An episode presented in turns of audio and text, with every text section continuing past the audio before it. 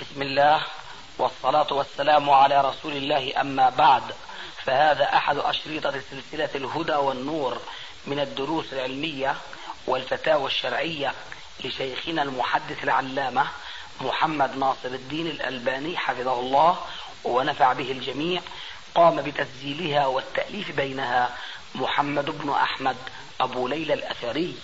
إخوة الإيمان والآن مع الشريط الرابع والستين بعد المئتين على واحد. اليوم في أحسن البلاد فيما يظن وأقربها إلى البلاد عفوا أقربها إلى الأحكام الشرعية هي البلاد السعودية. ومع ذلك ما في إفشاء السلام هناك. أما هون بتقول له السلام عليكم بيقول لك مرحبا. بيقول لك أهلا وسهلا. فوين هذا ال... نحن بنتكلم الآن عن رد السلام. وين إفشاء السلام؟ رد السلام غير متحقق في هذه الأيام. فلو كان إفشاء السلام بل رد السلام لو كان رد السلام يتطلب إلقاء السلام.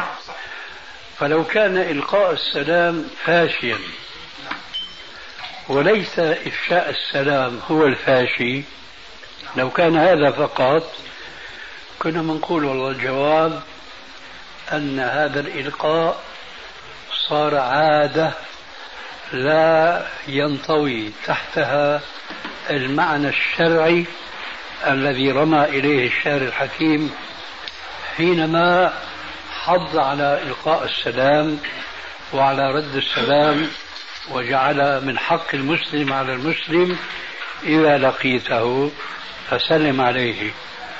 لو كان هذا الإلقاء سائدا وواقعا في البلاد الإسلامية مع ذلك جاءت تلك الشبهة.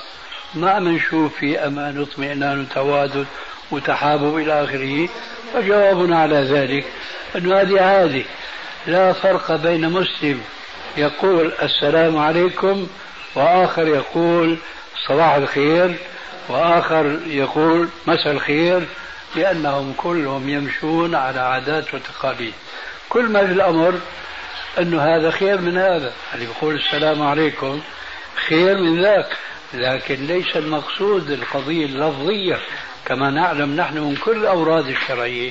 ومنها السلام عليكم. ينبغي أن نلاحظ فيه المعنى.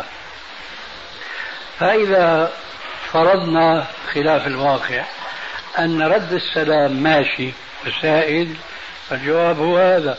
ولكن ما بالك أنه إلقاء السلام مش ماشي ولا هو سائد فضل عن رد السلام. لأنك تلقي السلام فلا تلقى الجواب. إلا مرحبا أهلا. وبتحكي مع الناس وكأنك تتكلم مع الجذر مع الحيطان. وكأنك بتسحب رد السلام منه بعد محاضرة بالونش بيقول لك عليكم السلام. رغم أنفه. لكن سرعان ما ينسى سرعان ما ترجع حليمة إلى عادتها القديمة. قل السلام عليكم بيقول لك آمن وين السلام؟ راح السلام وراح كنت حينما أمشي مع المشايخ هناك في المدينة المنورة رتل جماعة ماشيين مع بعض. ملتقي أنا مع أحد المشايخ؟ عهدي إنه الشيخ فلاني كان شهيد مني وطلع ما بلاقي شو قصته؟ انسحب. لا قال السلام عليكم ولا أشعرنا بانصرافه وهذا مين؟ الواعظ العالم الفاضل فما بالك بعامة الناس؟ لذلك الحقيقة يا إخواننا يجب أن أن نستحضر دائما وأنتم أطباء يجب أن نستحضر أن الشريعة الشريعة بكل أحكامها هي آه، ما أدري ماذا أقول بلغتكم لغة الطبابة. هي التي تعالج شتى الأمراض بمختلف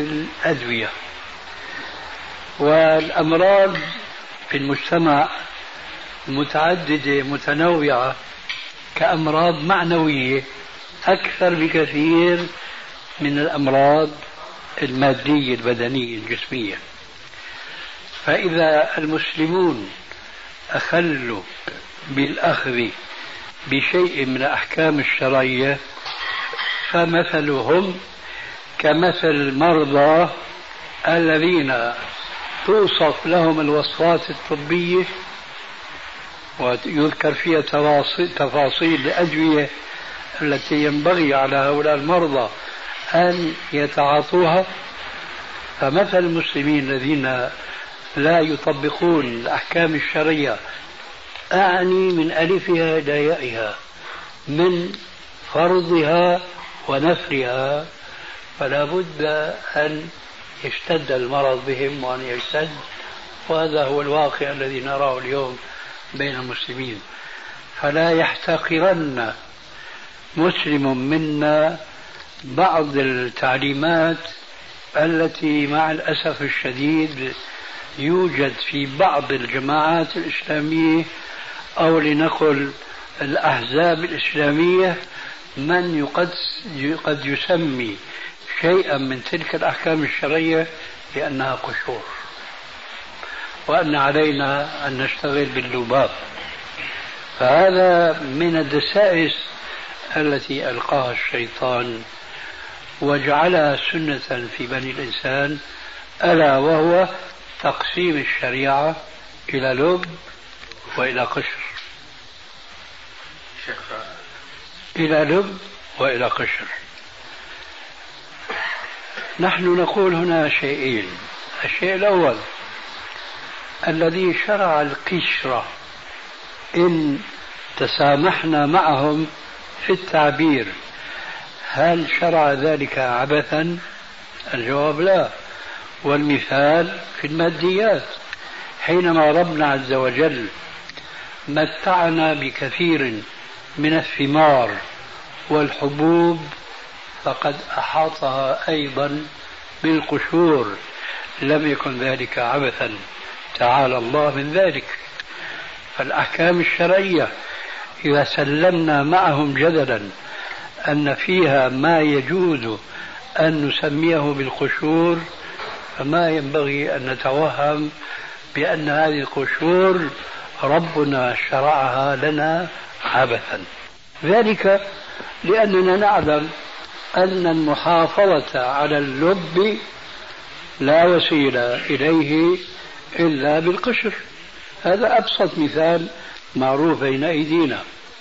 هذا الشيء الأول. الشيء الآخر. حينما يقال الإسلام لب وقشر هنا يأتي شيء الآن. أين اللب وأين القشر؟ من الذي استطاع أن يميز اللب من القشر؟ أولا هذه لغة حديثة لم تكن من قبل.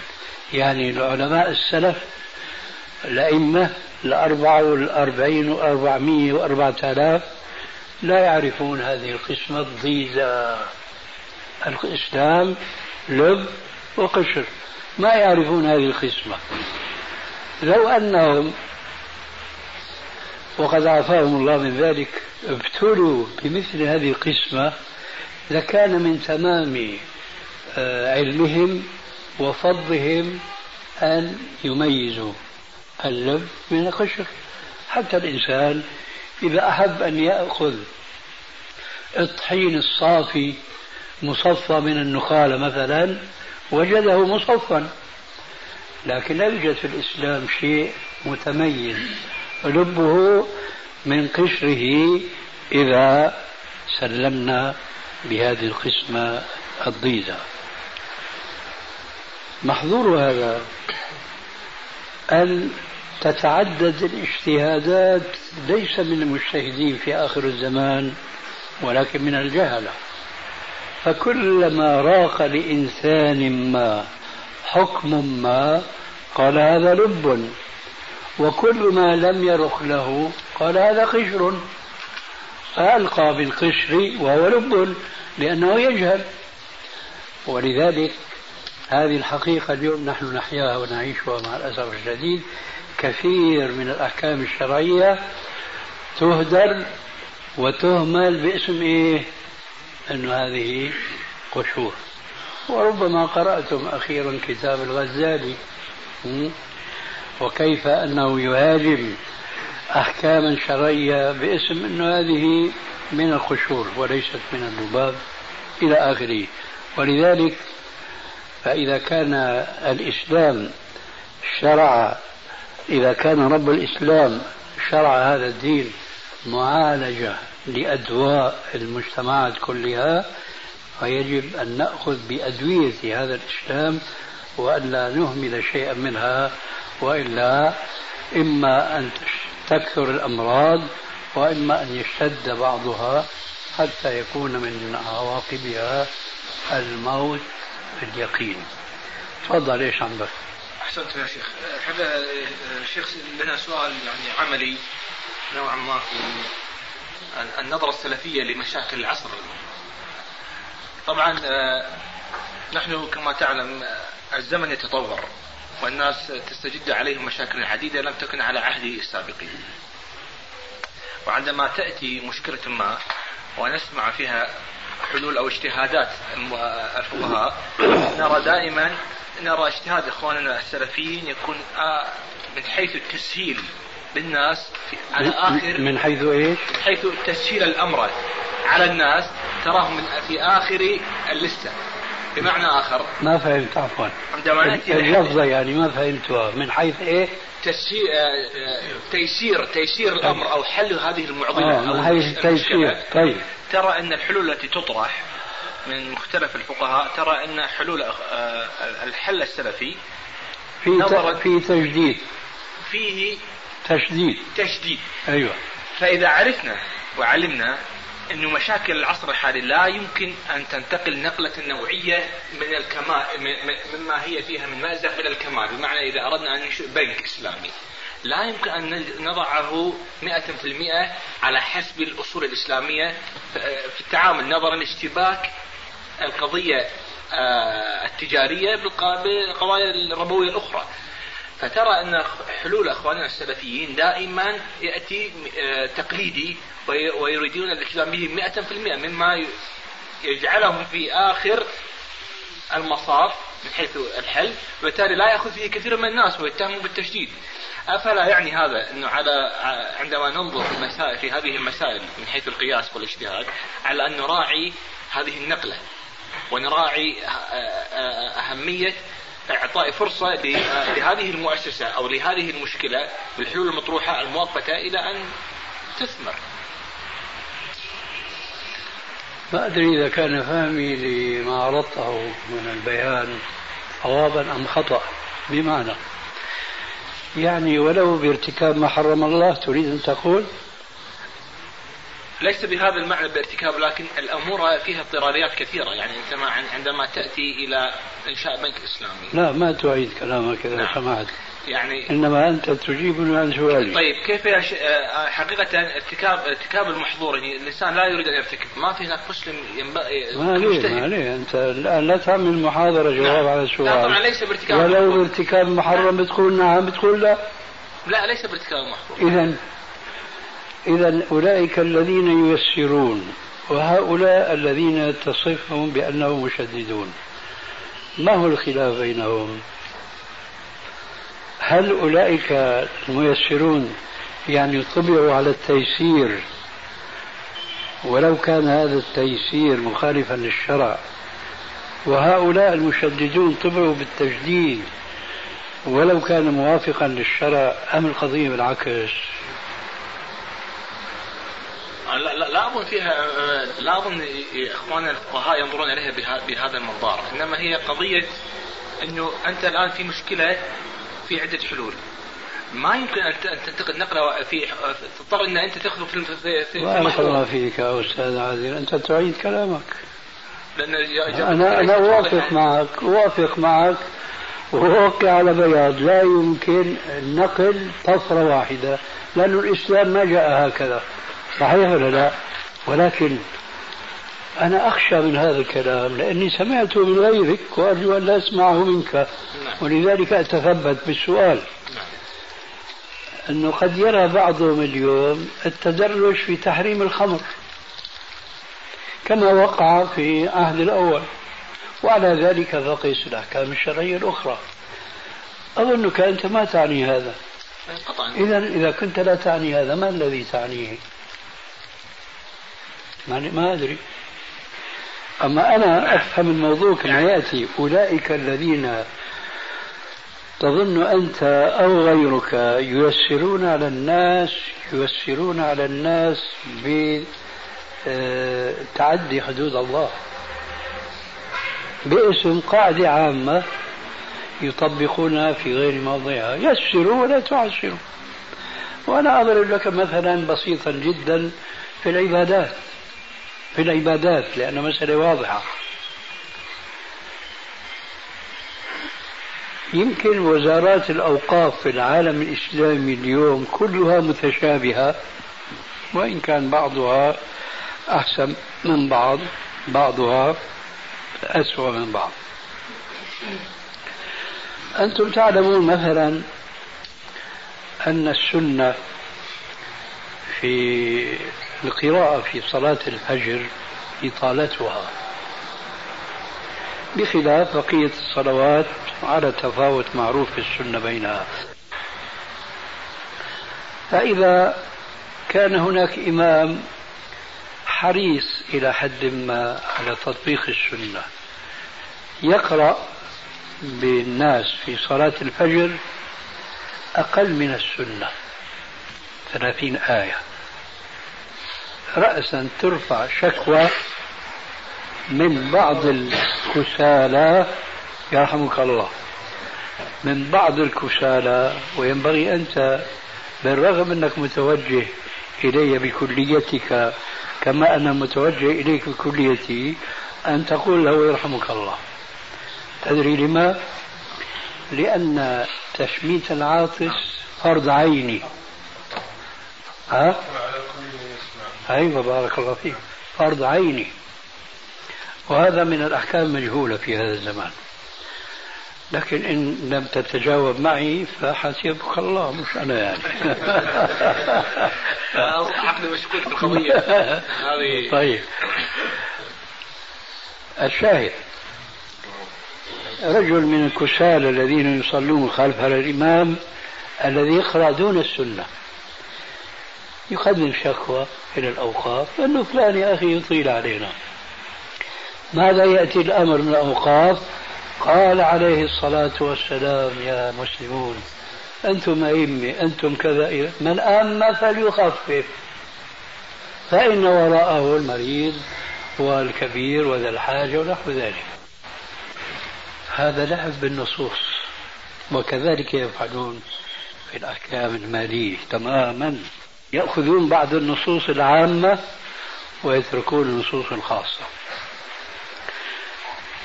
الذي قاله عليه السلام من أما فليخفف قال ذلك بمناسبة شكوى صارت من أحدهم في إمام هو معاذ بن جبل لما افتتح في صلاة العشاء وليس في صلاة الفجر سورة البقرة. ورجل خلفه شاب من الأنصار قطع الصلاة وصلى وحده وانصرف. وأحس بذلك معاذ فأخذ ينال منه يقول هذا منافق. عذر معاذ أنه ترك صلاة الجماعة. الله أكبر. صلاة واحدة صار منافقا. شوف كيف كانوا يزينون الأمور. الآن ما بيصلي بالمرة ما حدا بيقول عنه منافق. بيصلي لكن ما حدا بيشوفه في المسجد ما حدا بيقول عنه منافق إلى آخره. وصل إلى مسامع هذا الأنصاري سب معاذ له فشكاه إلى النبي صلى الله عليه وسلم. قال يا رسول الله إننا أصحابنا واضح نعمل في النهار. ثم نأتي لنصلي وراء معاذ فيطيل بنا في القراءة في الصلاة. أرسل وراءه فقال عليه السلام أفتان أنت يا معاذ؟ أفتان أنت يا معاذ؟ أفتان أنت يا معاذ؟ بحسبك أن تقرأ بالشمس وضحاها والليل إذا يغشى ونحوها من السور. هذا في صلاة العشاء. ثم قال عليه السلام من أما فليخفف.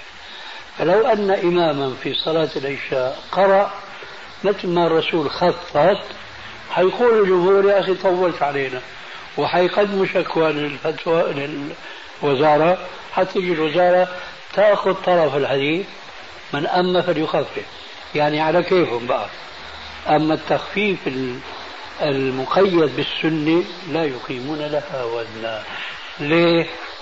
لأن الهدف يسروا ولا تعسروا.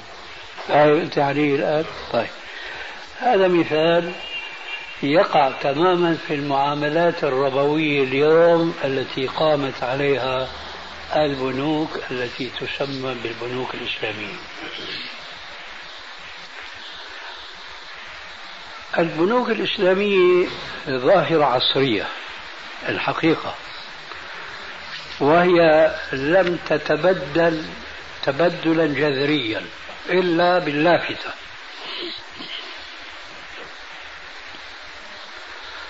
وكثير من الأحكام لا تلتقي إلا مع بعض الأقوال الشاردة. الخارجة ليس فقط عن الكتاب والسنة بل عن أقوال الأئمة. يقول بها بعض المقلدين للأئمة الحمد لله يرحمك الله يقول بها بعض المقلدين للأئمة وهم ليسوا مجتهدين. والإنسان حين يقال إنه ليس مجتهدا ذلك يساوي في لغة العلماء الحقيقيين إنه جاهل. الرجل العالم الذي يقال إنه عالم وليس بمجتهد أي لا يستقي الأحكام الذي هو اولا يتعبد الله بها وثانيا يعبد الناس بها وإنما من قيل وقال. هذا يسمى في لغة العلماء بأنه جاهل. ولو كانت عمامته كالبرج وجبته كالخرج. هذا ليس عالما. هم يقولون في كتاب القضاء ولا يجوز تقليد الجاهل. قال في الشرح أي المقلد. لا يجوز تقليد الجاهل أي القضاء. القاضي نعم. يعني تنصيبه شيخنا. أيوة. تنصيب نعم. القاضي يجب أن يكون مجتهدا ولا يجوز أن يكون مقلدا لأن المقلد جاهل وهذا صحيح. لأن المقلد الله يرحم ابن رشد الأندلسي جاء بمثال رائع جدا. يقول مثل المقلد ومثل المجتهد كمثل صانع الخفاف وبائع الخفاف. مثل المجتهد ومثل المقلد كمثل صانع الخفاف وبائع الخفاف. يأتي الرجل بقياس لرجل غريبة قد تكون مثلا قصيرة وضخمة. وفي واحد عم يطلع في رجله هلا. شايف؟ ضخمة قصيرة وغليظة. يأتي عند بائع الخفاف بيطلع فيها الأقيسة المتعددة المتنوعة ما بيلاقي. بيقول له عفوا ما في عندي من المقياس هذا. لكن بيروح عند صانع الخفاف بياخذ القياس. تماما بفصل بها بيلاقي تمام. هذا مثل المقلد وهذا مثل المجتهد. المجتهد هو المتشبع بنصوص الكتاب والسنة التي أنزلها الله عز وجل لتكون كما يتفاخر به خطباؤنا ووعاظنا ومرشدونا وهم لا يعلمون هذه الحقيقة آه، علما واقعيا. يتبجحون أن الإسلام يصلح لكل زمان ومكان وهذا صحيح. لكن بسبب جهلهم لهذه الحقيقة صاروا الآن وهنا الشاهد يحورون مع متطلبات الزمان. ومن هنا يأتي اليسر. لم يأتي اليسر لأن الجماعة درسوا الكتاب ودرسوا السنة وجدوا فيها أدلة تيسر لهم بعض المعاملات التي هم يضطرون التعامل بها اليوم. لذلك أخي ما ينبغي نحن أن نظن في ناس نراهم فعلا يتشددون لأنهم يطبقون أحكام الشريعة. وأن لا نعجب بأناس ييسرون لأنهم ييسرون. يجب أن نعلم هؤلاء الذين يشددون هل هو اجتهاد من عندهم أم هو تمسك منهم بنصوص كتاب ربهم؟ وسنة نبيهم. إن كان هذا هو التمسك فهذا واجب كل مسلم. كذلك أولئك الناس الذين يقال إنهم ييسرون. هل ييسرون بأدلة يقدمونها إلى الناس من الكتاب والسنة؟ ولا هذه آراء؟ نحن نعرف من كتب الفقه عجائب من الأمور عجائب جدا. وأنا كنت اجتمعت مع مدير مع رئيس آه، البنك الإسلامي شو اسمه له كتاب في هذا؟ ها؟ لا. لا. اللي أسس البنك الإسلامي هنا. شو اسمه؟ صالح كامل؟ يمكن. حماد أو حامد هيك. له كتاب ما بعرف شفته الكتاب ولا. الشاهد فعرفت منه كيف أقام البنك الإسلامي. أقامه على التلفيق. كلما وجد قولا في مذهب من المذاهب ييسر معاملة ربوية هو تبنى هذا القول وجعله نظاما وقاعدة وهو ما جاء بشيء فعلا ما جاء بشيء. والتاريخ العصري أو المعاصر يشهد أن أحد علماء الأزهر في زمن الخديوي تبع مصر قال له ضع أي قانون تريده. ونحن مستعدون أن نسند هذا القانون بنصوص شرعية من علمائنا. وهذا صحيح. ليه؟ أضرب أنا مثل الآن واقعي. هل هناك إذاعة؟ إذاعة. من السعودية وأنت نازل. لا تذيع ما هو متفق على تحريمه بين المذاهب الأربعة من الملاهي والأغاني؟ الجواب لا. لا توجد هذه الإذاعة مع الأسف الشديد. ألا يوجد من يفتي بجواز هذه الأغاني اليوم؟ يوجد من يفتي. ما أمدته في ذلك؟ قريب منكم ولعله بعيد عنكم. قريب منكم أخونا وصديقنا يوسف القرضاوي الذي أصدر فتوى بالنسبة لذاك البريطاني الذي أسلم وكان مغنيا. تذكر شو اسمه؟ ها؟ يوسف إسلام. يوسف إسلام. لقد أفتاه بأن يستمر في مهنته. لماذا؟ قال لأنه لا يوجد نص قاطع. هكذا يقول. لا يوجد نص قاطع في تحريم آلات الطرب ولذلك هو لا يرى حرجا بأن يظل هذا المسلم البريطاني يتعاطى مهنة الغناء ويأكل ويعايش نفسه وأهله. هذه فتوى صدرت من هذا الرجل ومثله الشيء الكثير الكثير. إذا سألت عن الحجة بيقول لك يا أخي هي مسألة مختلف فيها. هاي ابن حزم ما ألف رسالة في إباحة الملاهي وهذا صحيح. هذا صحيح.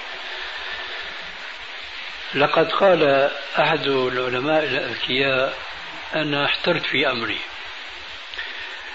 إن كنت مثلا سلفي بيقولوا عني مجسم وإن قلت حنفي بيقولوا بيستحل المسكر وإن قلت أنا ظاهري بيستحل الغنى وإن إلى لأنه يشير إلى أن كل مذهب فيه إيش؟ ما فيه. مما لا يجوز أن يتبناه المسلم خاصة العالم.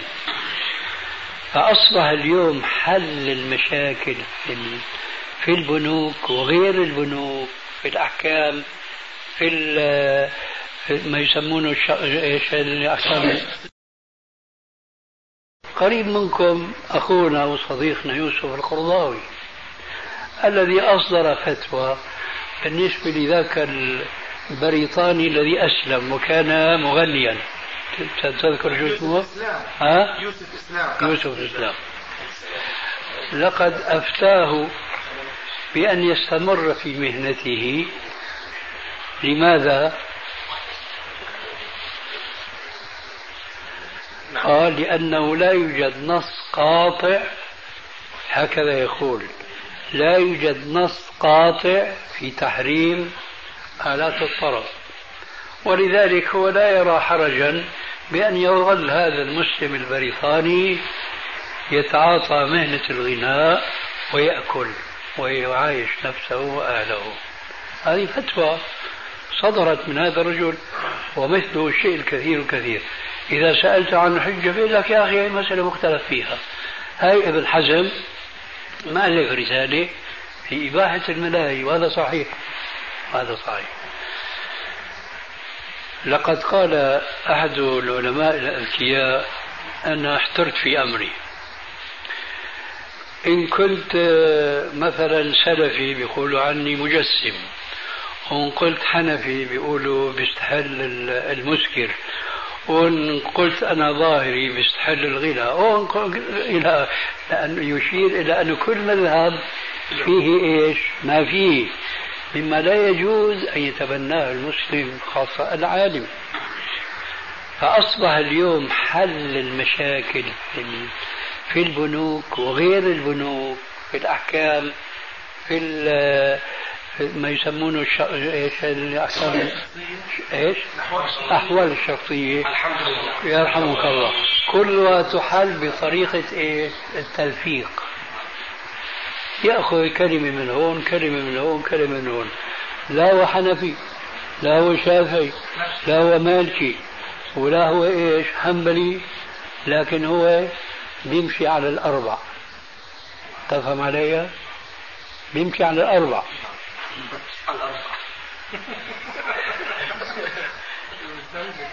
أما واحد إلا قال الله قال رسول الله هذا ما يصنعه غير هؤلاء المتشددون فلا تعجبن لأن الإسلام مما جاء فيه إن الإسلام بدا غريبا وسيعود غريبا فطوبى للغرباء. قالوا من هم يا رسول الله؟ قال هم ناس قليلون صالحون بين ناس كثيرين من يعصيهم أكثر ممن يطيعهم. هذه صفة متحققة اليوم تماما على هؤلاء الغرباء. كذلك صفة أخرى. من هم الغرباء يا رسول الله؟ قال هم الذين يصلحون ما أفسد الناس من سنتي من بعدي. باختصار إذا أخذنا مبدأ التيسير هكذا على الإطلاق فهو سبب لخروج من الإسلام باسم الإسلام. ولعلك توافقني بأنه أشد هؤلاء المحدثين اليوم ممن يقال إنهم علماء أشدهم تيسيرا هو محمد الغزالي. فهل معنى ذلك أنه هو مصيب وعلى خير وعلى صواب؟ جواب لا. لأن هذا لا يقيم للسنة وزنا. وقد كنا نرى منه تلاميح نوجس منها خيفة لكن الآن كشف القناع وأظهر ما كان يبطن. فهذا أشد هؤلاء المعاصرين اليوم تيسيرا لكن على حساب النصوص التي تخالف التيسير الذي يزعمه هو. لذلك نحن ننصح كل مسلم ألا يغتر بشيء اسمه تيسير وآخر اسمه تجديد وإنما عليه أن يحاول أن يفهم الشريعة سواء كانت موافقة له لهواه أو مخالفة. هذا هو. وهذا يعجبني من الأحاديث التي رواها الإمام مسلم في صحيحه عن رافع بن خديج يقول في حديث المزارعة أن الرسول عليه السلام نهانا عن شيء كان لنا فيه مصلحة لكن طواعية الله منا أوفأ لنا أو كما قال. شايف؟ هذا هو الإسلام. نهاهم عن المزارعة. نوعية من المزارعة كانوا يتع... كان لهم فيها مصالح لكن طواعيتنا لله عز وجل هي أنفع لنا في ديننا وفي دنيانا. هذا المنطق السلفي اليوم مفقود هل بيأيد مصالح الناس المادية هذا هو الميسر وهذا هو العالم وهل بيقول لك هذا لا يجوز وهذا لا يجوز؟ ولو بما قال الله وقال رسول الله هذا متجدد. ختاما أنا آتي بمثال الآن. مما عليه البنوك الإسلامية كلها وهو ملاحظة فرق السعر بين بيع النقد وبيع التقسيط. معروف هذا طبعا. طيب. هات بنك إسلامي يبيع بسعر واحد نقدا أو تقسيطا. هذا مستحيل وجوده. لما؟ لأن هذا هو النظام الذي قامت عليه البنوك الأوروبية فنحن إن عدلنا بعض الشيء لكن هذا أي عدلنا عن البنوك الكافرة بعض الشيء فهذا لا يعني أننا عدلنا نظام البنك من أصله من فصله من جذره لا مع ذلك هذا التعديل البسيط آه، استلزم عندهم أن يضعوا هذه اللافتة الضخمة البنك الإسلامي. بنك إسلامي يوجد في مجتمع إسلامي. وأنا بهذه المناسبة يعجبني كان جاءني ضابط من الزرقاء يمكن أخواننا هذول أرسلوا لعندي أنا ما رأيته من قبل.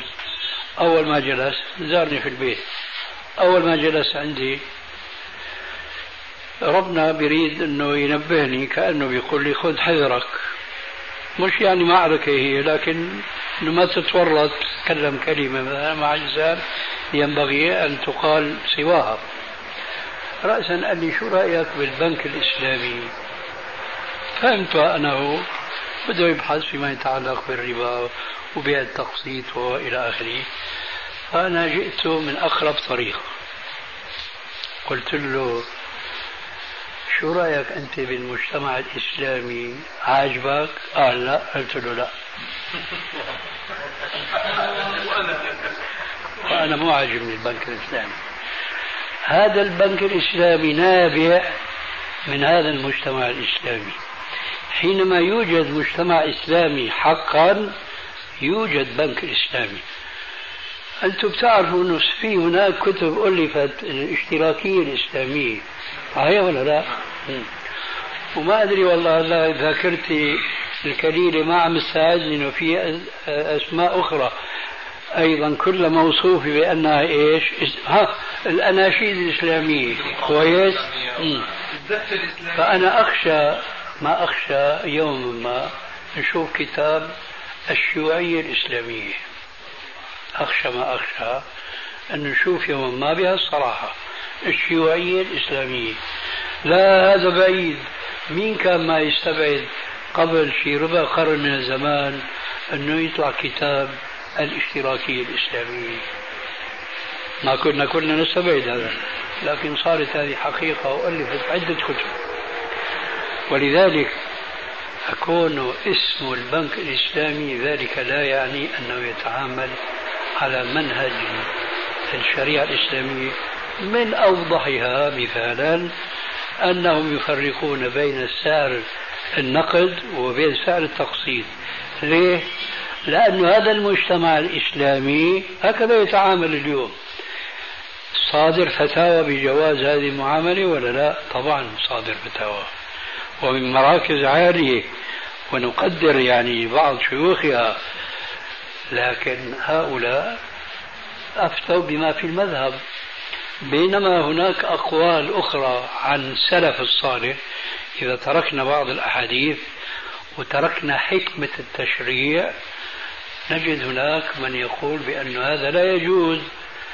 بيع بسعرين مختلفين سعر النقد أقل من سعر التقسيط وسعر التقسيط أكثر من سعر النقد. مع قول الرسول عليه السلام من باع بيعتين في بيعة فله أوكسهما أو الربا مع قول ابن مسعود نهى رسول الله صلى الله عليه وسلم عن صفقتين في صفقة. قيل لراوي الحديث سماك بن حرب ما صفقتين في صفقة؟ قال أن تقول أبيعك هذا نقدا بكذا ونسيئة بكذا وكذا. أبيعك هذه الشنطة نقدا بدينار وتقسيطا بدينار وفلس هذا الفلس ربا. لماذا؟ لأنك في هذا التعامل والواقع أكبر شاهد. تعطل خلقا إسلاميا. وهو مستعمل اسما في البنوك الإسلامية اسما. إيش هو؟ القرض الحسن وين القرض الحسن أي إنسان يريد أن يأخذ من أي بنك قرض حسن يمكن يعطوه 100 دينار 200 دينار وبعد إيش؟ كلابات حديدية تحاط به حتى لا يكاد يقول الله غانيني عن القرض هذا الحسن. أما أنت بحاجة إلى تأسيس تجارة أنت بحاجة إلى بناء دار تأوي إليها أنت وأهلك ويقرضونك الألوف المؤلفة حسبة لله هذا معطل. ليه؟ لأنه في بيع التقسيط. بيع التقسيط نظام كافر. نحن في الشرع عندنا في بعض الأحاديث الصحيحة آه، قرض درهمين تساوي صدقة درهم. قرض درهمين تساوي كما لو أخرجت من جيبك درهما ولن يعود إلى جيبك أبدا. قرض مئتي دينار كما لو تصدقت بمئة دينار. هذا التعامل في المجتمع الإسلامي اليوم لا وجود له. حبر على ورق. السبب أننا لا نعيش مجتمعا إسلاميا ولذلك البنوك الإسلامية هي نابعة من هذه المجتمعات فهي ليست تمشي على الإسلام إلا بقدر. ومن هنا نتوصل إلى بعض الناس الذين فعلا يتشددون في إصدار أحكام قاسية وشديدة على الحكام المسلمين الذين يحكمونهم. وهم مع الأسف الشديد لا يحكمون بما أنزل الله. هذه حقيقة لا يمكن لأحد إنكارها ولكن ذلك لا يساوي إصدار أحكام بتكفيرهم وبوجوب الخروج عليهم ومقاتلتهم وليس يوجد على عند هؤلاء الذين يصدرون مثل هذه الفتاوى قوة يستطيعون أن يحاربوا بها اليهود. كيف يقولون بحكم لا يستطيعون تنفيذه في كل البلاد الإسلامية ومع حكامهم لأنهم يحكمون بغير ما أنزل الله. هذه حقيقة مرة. لكن من الناحية الفقهية لا يعني أن كل من حكم بغير ما أنزل الله فهو مرتد عن دينه إلا في حالة واحدة. إذا ظهر أن هذا الحاكم لا يعترف الإسلام ويعتقد ويصرح بأنه لا يصلح الحكم الإسلام في هذا الزمان هذا لا شك بأنه كافر مرتد عن دينه قولا واحدا ودون خلاف بين مسلمين اثنين. الخلاصة التشديد والتيسير لا ينبغي أن نقبح هؤلاء ونحسن هؤلاء إلا في حدود إيه؟ ما شرع الله. نعم. قلت شيء ولا؟ طيب. نمشي. بسم الله سبحانك اللهم وبحمدك. أشهد أن لا إله إلا أنت. أستغفرك وأتوب إليك. نحن جئنا طامعين أن نراكم حتى نكسب من وقتكم كثيرا. لكننا خسرنا ما شاء الله. وعلى الله العوض إن شاء الله, إن شاء الله. في مناسبة أخرى. يا الله الله يحفظكم السلام عليكم. إخوة الإيمان والآن مع مجلس ثاني.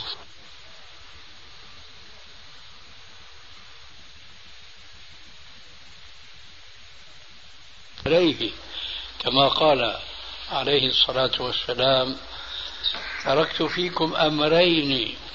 لن تضلوا ما إن تمسكتم بهما كتاب الله وسنتي ولن يتفرقا حتى يرد علي الحوض. تركت فيكم يا معشر الأصحاب أمرين هامين جدا كتاب الله وسنتي ولن يتفرقا حتى يرد علي الحوض أي لا يجوز التفريق بين كتاب الله وبين حديث رسول الله صلى الله عليه وآله وسلم بل يجب أن يستمر العمل بينهما حتى يوم البعث والنشور. خلافا لما يدعيه بعض الناس اليوم وهذا من الانحراف الخطير. أنه نحن ما بنتعرف على شيء غير القرآن. والذي يقول هذا الكلام هو يخرج عن الإسلام شاء أم أبى. شعر أو لم يشعر لأن القرآن مما فيه قوله تبارك وتعالى فإن تنازعتم في شيء فردوه إلى الله والرسول إن كنتم تؤمنون بالله واليوم الآخر ذلك خير وأحسن تأويلا. وقد اتفق علماء التفسير على أن الرد إلى الله في هذه الآية هو الرد إلى كتاب الله والرسول الرد إلى سنته. فمن أبى الرجوع إلى السنة كفر بالقرآن فضلا عن السنة لأنه إن لم يؤمن إلا بالقرآن فكيف يفهم هذه الآية الكريمة؟ فإن تنازعتم في شيء فردوا إلى الله وهو كلامه والرسول وهو سنته. وإلى أشياء وأشياء كثيرة كقوله تعالى ومن يطع الرسول فقد أطاع الله. وعلى ذلك فالتعرف على السنة الصحيحة يكون عصمة للمسلم الملتزم بالشرع حقا من أن يميل يمينا أو يسارا أو يكون من الفرق الضالة التي أخبر عنها الرسول عليه السلام في الحديث الصحيح حين قال افترقت اليهود على إحدى وسبعين فرقة والنصارى على اثنتين وسبعين فرقة وستفترق أمتي على ثلاث وسبعين فرقة. كلها في النار كلها في النار إلا واحدة. قالوا يا رسول الله من هي؟ أمر خطير جدا. واحدة من 73 فرقة.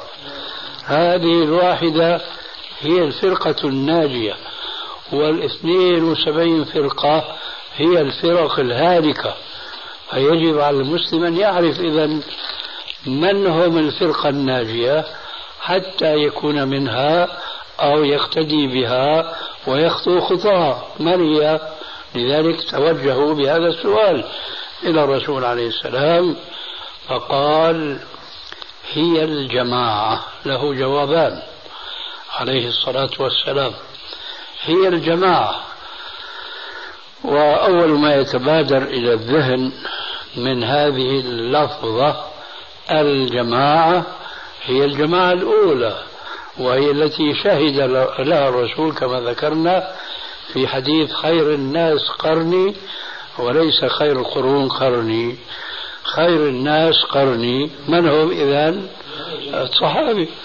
فإذا أول ما ينبغي أن يتبادر إلى الذهن حينما نسمع هذا الجواب المعصوم من النبي الكريم جوابا على ذاك السؤال الخطير من هي هذه الفرقة الناجية؟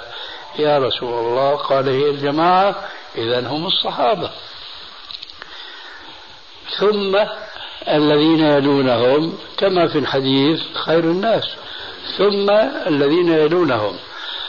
وقد جاء تفسير هذه اللفظة الجماعة في رواية أخرى ألا وهي قوله عليه السلام هي ما أنا عليه وأصحابي لذلك نحن نقول من الناحية العلمية بالنسبة لوضعنا المعاصر اليوم لا يكفي أن ندعي دعوة الحق فقط وهي الكتاب والسنة. لا يكفي هذا. بل لابد أن نضم إلى ذلك ما كان عليه أصحاب الرسول عليه السلام. من أجل ذلك يكون المسلم واجبا عليه أن يعرف كل مسألة على ضوء ثلاثة أمور الكتاب السنة الصحابة. لأن هؤلاء الصحابة هم الذين تلقوا الكتاب والسنة من فم النبي صلى الله عليه وسلم غضا طريا. ثم تلقوه منه عليه السلام مطبقا عمليا. بينما نحن ما ندري إذا رفعنا هذه الواسطة بيننا وبين أصحاب الرسول عليه السلام ما ندري كيف نفسر آية ما أو حديثا ما. ولكننا حينما نعتمد في تفسير تلك الآية على الذين تلقوها من الرسول عليه السلام غضا طريا كما ذكرنا وطبقوه أيضا تطبيقا عمليا نكون على هدى من الله ونكون من الفرقة الناجية. وأكد هذا قوله عليه السلام ختاما لهذا الموضوع كما جاء في حديث العرباض ابن سارية رضي الله عنه وعظنا رسول الله صلى الله عليه وآله وسلم موعظة وجلت منها القلوب وذرفت منها العيون فقلنا أوصنا يا رسول الله. في بعض الروايات التي كنت قرأتها قديما قديما جدا في أول نشأة العلمية قالوا يا رسول الله إنا لنراك توصي آه يا رسول الله أوصنا وصية لا نحتاج إلى أحد بعدك أبدا. قال عليه السلام أوصيكم بتقوى الله والسمع والطاعة وإن ولي عليكم عبد حبشي وإنه من يعش منكم فسيرى اختلافا كثيرا. هذا الشاهد وإنه من يعش منكم فسيرى اختلافا كثيرا. فعليكم بسنتي وسنة الخلفاء الراشدين المهديين من بعدي عضوا عليها بالنواجذ وإياكم ومحدثات الأمور فإن كل محدثة بدعة وكل بدعة ضلالة. وفي الحديث الآخر وكل ضلالة في النار. قوله عليه السلام وإنه من يعيش منكم فسيرى اختلافا كثيرا. هذا خطاب موجه إلى الأصحاب. من يعيش منكم فسيرى اختلافا كثيرا. فيا ترى من سيكون بعد من القرون كقرنها هذا؟ كيف سيكون الاختلاف؟ أعظم وأعظم وأوسع وأخطر. والمسألة السابقة لو أنك سألت بعض من يظن لا أقول لو أنك سألت بعض أهل العلم لكني أقول حقا لو أنك سألت بعض من يظن أنه من أهل العلم إذا دخلنا يا أستاذ يا فضيلة الشيخ المجلس وعليكم السلام ورحمة الله وبركاته. مجلسا فيه أشخاص خمسة عشرة اللي هو. ونحن نعلم أنه كما فعل صاحبنا الداخل آنفا أنه من السنة المصافحة فلو قلت له نحن نعلم هذا ولكن هل من السنة أن نسلف كل من نصافحه في المجلس؟ السلام عليكم السلام عليكم السلام عليكم بعدد الحاضرين. فسوف يكون جوابه يا أخي شو فيها هذا جواب تقليدي.